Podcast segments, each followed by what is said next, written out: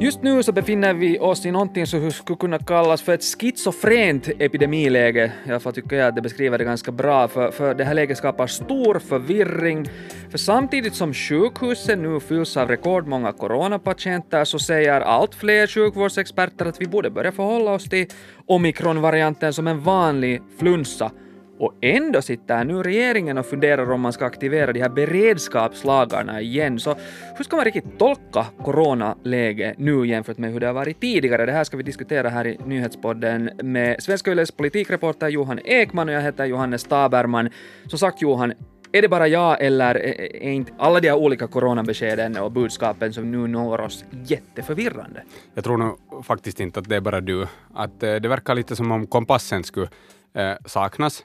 Och det verkar som om väldigt många olika instanser just nu diskuterar och debatterar att eh, vartåt den där kompassen borde eh, peka, mm. och nu mm. pekar den åt väldigt många olika håll kanske. Eller snurrar runt kanske. Snurrar runt och, och, och det här, varken regeringen eller sen kanske alla de andra inblandade har riktigt kunnat komma med klara besked. Nej, jag, jag undrar just om det liksom någonsin har varit så här råddigt under den här pandemin kring hur vi nu liksom ska gå vidare. Jag menar, vad beror det här på? Är det epidemiläge i sig som är så nytt för oss att vi inte vet hur vi ska tackla, eller handlar det om politisk maktkamp som vi nu får beskåda?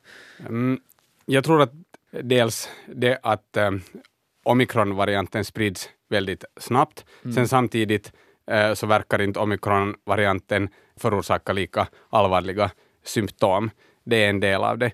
Det andra eh, är det att eh, samtidigt som regeringen till exempel har kommit med vissa linjedragningar, har en viss strategi, eh, så verkar det som om det som händer i verkliga samhället, i många regioner, åtminstone huvudstadsregionen i spetsen, så verkar köra förbi egentligen den existerande strategin. Så verkligheten och strategin är allt mer på kollisionskurs, men det här uttalas inte och det skapar ett slags viss kognitiv kanske sån här dissonans eller något liknande. Och sen samtidigt finns det ju givetvis också Uh, speciellt i de politiska sammanhangen så inte, inte neutraliserar ju omikronpolitiken och de eventuella maktkamper som finns där. Hur mycket skadar just då den här dragkampen som det här läget då har skapat förtroende för vårt ledarskap, coronaledarskap, som nu skulle behövas mer än någonsin? Å ena sidan är det förstås helt partipolitiska aspekten av det hela. Eh, och där, om vi ser på olika opinionsmätningar, så verkar det ju de facto nog som om regeringen fortfarande är Eh, no, det har nu inte gjorts före de senaste fnurrorna här som har kommit, så har det inte gjorts opinionsmätningar, men, men vi ser att förtroendet ändå är ganska oförändrat. Men jag skulle säga att på ett djupare plan eh, så finns här en risk för att det där förtroendet naggas i kanterna. Eh, jag menar med det att, att eh, när det råder sån här förvirring så kanske fler och fler börjar ifrågasätta eller fråga sig att vet de vad de håller på med egentligen? Vem ska man lita på?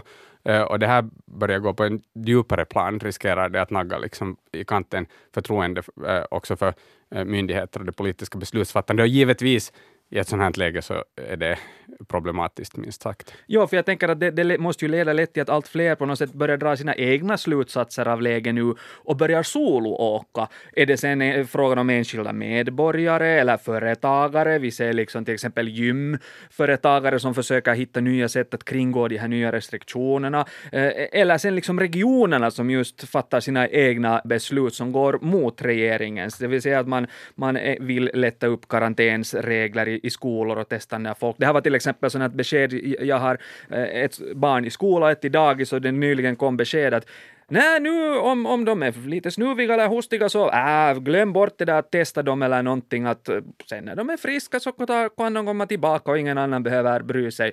Jag säger att hallå, det lät ju helt annorlunda helt nyligen. Just Absolut, skulle alla ja. sättas i karantän. Ja, nej, men så var det.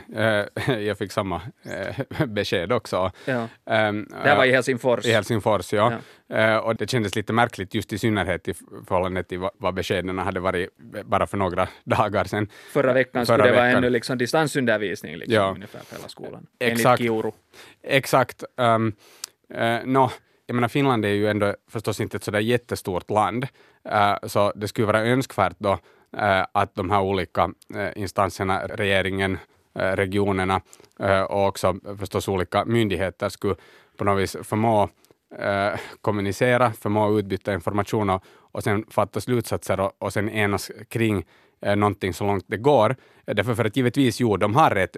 Läget är det att regeringen får ge rekommendationer och förstås regionerna får fatta sen också egna beslut. Mm. Eh, jo, eh, faktiskt sett så är det så, men det är kanske inte så bra att det kommer så upp på ytan att, att de har så väldigt olika eh, åsikter. Så om man väljer en viss väg, om till exempel det nu på riktigt är så att man tillåter en större spridning av eh, det här viruset, vilket vissa frågar sig att är det inte man lite gör i mm. all tysthet just nu. Precis. Så då borde man också förstås förklara vad i så fall konsekvenserna av det till exempel är för hälsovården och i så fall vad det skulle innebära eh, för att eh, se till att hälsovården fungerar.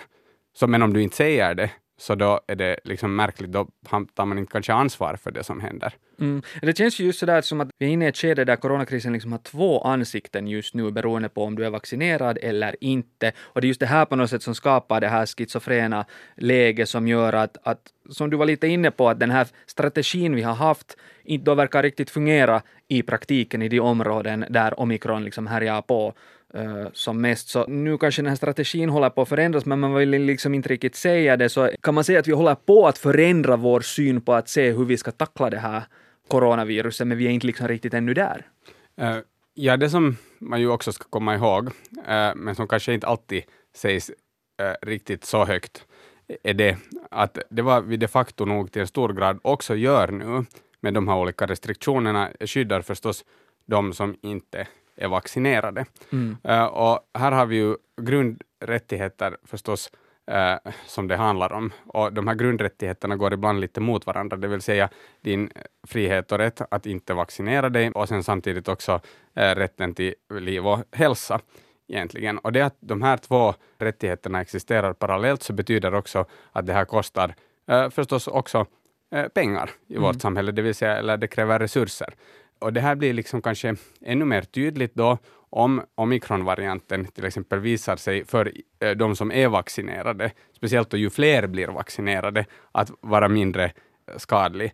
Uh, och det här kommer då till ytan. Förstås finns det också riskgrupper som det fortfarande, och det, det, är just det att jag tror att många fortfarande sen är osäkra på att mm, ska jag ta ansvar för det att om jag umgås med med människor som tillhör en riskgrupp, att, att ska jag faktiskt själv ta ansvar nu för att bestämma uh, om, om det nu är okej okay att träffas eller inte. Och det, det funderar nog många nu, att vad är det egentligen det där beskedet? Precis. Uh, helt klart så liksom det här att, att, att, man vill nu börja gå mot det att man ger upp smittspårningen som tidigare ansågs så viktig för att resurserna räcker inte till för det. Karantänsreglerna förändras.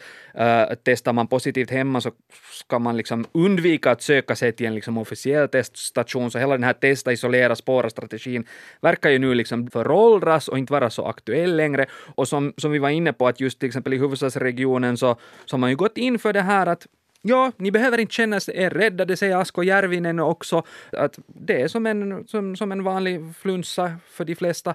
Eh, om, om du är vaccinerad så ta det, ta det helt lugnt. Men samtidigt så är det den här stora oron just för att sjukvården är mer pressad än någonsin under pandemin, när rekordmånga är intagna. Och som sagt, regeringen sitter och funderar att är det därför nu läge liksom att ta i bruk de här beredskapslagarna igen. Så vad, vad skulle beredskapslagarna hjälpa till här? Mm, nu är det ju så att regeringen funderar dels på att stänga restaurangerna helt, ja. um, för det är nu ett av de få verktygen som finns eh, ifall man då inte till exempel går in för distansundervisning, vilket man inte har gjort. Uh, och sen det som finns till är att ta i bruk beredskapslagarna. Uh, vad hjälper det? Nå, via dem så kan man beordra människor inom sjukvården att, att jobba. Man kan alltså lagstifta så att människor, måste, alltså människor inom sjukvården måste eh, jobba. Um, så det, det, är en sak man kan... Är det här liksom ett, ett, ett, ett snabbt och enkelt sätt för, för regeringen att på något sätt uh, lappa för, för, för, så att säga den bristande resurs som finns och har funnits under hela pandemin inom sjukvården och som just har lett till att de här marginalerna är så små att, att sjukvården blir så pressad? Jag tycker frågan ju man måste ställa sig är den Eh, Eh, att ehm, räcker den resurs som finns inom den existerande ramen? För att förstås omprioriteringarna som sker på grund av eh, viruset, eh, som vi vet så utfaller det på ett sådant sätt att det också påverkar hela vården i sig, det vill säga det tas bort någon annanstans ifrån. Och förstås då blir frågan den att, att behövs det mera resurs någon annanstans. någon annanstans ifrån. Och det väcker sen en politisk debatt om till exempel det att är människor beredda att betala mera skatter, vill, vill vi ta mera lån, uh, hur, hur länge ska man uh, ha den här tilläggsresurseringen? Det här väcker också frågan om vårdarnas löner. Så förstås ett sätt att på kort sikt åtminstone inte gå in på de här diskussionerna är ju att ta i bruk beredskapslagar. Vissa skulle fråga sig att varför har ni inte berättar bättre än det, att ni ska ta i bruk beredskapslagarna, men rent praktiskt så kanske den situationen kommer. Mm, ja, det, det, det, diskuterar vi här i senaste avsnittet av Nyhetspodden också, ställde de här uh, frågorna. Men, men liksom med de här beredskapslagarna så kan man styra mera liksom då, uh, resurser, i alla fall tillfälligt, till de kritiska delarna av sjukvården uh, just nu. Är det någon annat, annan nytta vi kan ha, eller regeringen kan ha, av att aktivera beredskapslagarna i ett sådant här läge? Mm, de facto, beredskapslagarna, om de aktiveras, ger ju just mera makt åt regeringen. Det centraliserar äh, makt äh, åt regeringen. Så kan de köra över då regionerna som nu lite soloåkare? De får mera makt i förhållande mm. nog. Sen beror det ju på vilka beredskapslagar. Jag läste mm. gamla nyheter för, från 2020 äh, och då spärrar man ju Nyland från resten av landet och, och det känns ju ganska främmande just nu, men det är också ett exempel på när man tar till ännu tuffare åtgärder. Men jag tror att den politiska viljan för så drastiska åtgärder ju inte verkar finnas just nu åtminstone. Nej, det lär väl inte bli aktuellt, men, men, men så tekniskt sett kan, kan man inte säga liksom det att aktivera beredskapslagarna och sen väljer man förstås vilka man tar i bruk sen ur den här verktygslådan så att säga. Eh, men är det inte ändå ett, ett steg mot undantagsförhållanden? Ja, nej, det måste konstateras undantagsförhållanden först. först. Uh, och, och, presidenten och och statsrådet måste göra det i samråd. Till exempel i Kina har man ju tagit väldigt hårda tag och liksom förstås att om alla sitter inomhus då sprids inte viruset. Men alla de här frågorna handlar alltid också om i sista hand det hurdana värderingar vi har, hurdan vårt samhälle liksom är äh, egentligen. Äh, också hur mycket är vi beredda att tajta till skruven med restriktioner i förhållande till friheter.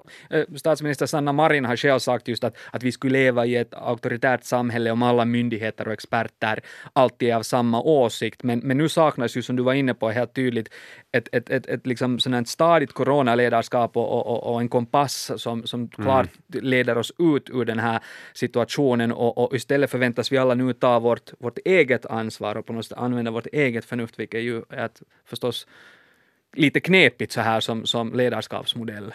Givetvis har ju statsministern äh, rätt. Det är ju bra att det finns olika liksom välgrundade åsikter och modeller. Och man ska komma ihåg att olika myndigheter, olika ministerium äh, har också olika slags ansvarsområden. Så till exempel det att, att om Krista Kiuru som är ansvarig för, för hälsovården har en väldigt tuff linje gällande just hälsovårdens kapacitet, så det hör till arbetsbeskrivningen också. Men det som på något vis ändå blir eh, problematiskt eh, är det att, att om man som till exempel nu gällande den här distansundervisningen eh, och också vad vi har sett efter det, går ut med väldigt många olika budskap och också sätter mycket prestige i att nu ska jag ha rätt för att har rätt, eller att det ter sig så utåt. Så det är inte bra, tror jag. Det är bättre att försöka åtminstone äh, diskutera ihop sig äh, och sen, sen, sen komma, ha en gemensam syn på situationen. Och, och, det har ju nu saknats de senaste dagarna. Mm. En gemensam syn på situationen, men ändå ska det inte bli kinesiska fasoner där, där liksom landets ledning dikterar enväldigt vad vi exakt får och inte får göra, utan någon form av egna rättigheter och, och egen förmåga att handla rätt måste ju också lämnas på något sätt. No, så är det ju. Så är det ju. Inte det här är ju en lätt balansgång, men, men, jag tror ändå att um, uh, det är möjligt att uh, ha mera tydlighet uh, än, än vad det nu har varit de här senaste dagarna. Och det är ett ansvar också som jag tycker att man har rätt att kräva av de som har det här förtroendet att Eh, sköta en sån här allvarlig situation. Precis. Hej, tack Johan för att du kom hit och, och öppnade upp för var vi står just nu. Du har lyssnat på Nyhetspodden med mig, Johannes Taberman. Ami Lassila producerade, Micke Andersén skötte tekniken. Fortsätt lyssna på oss.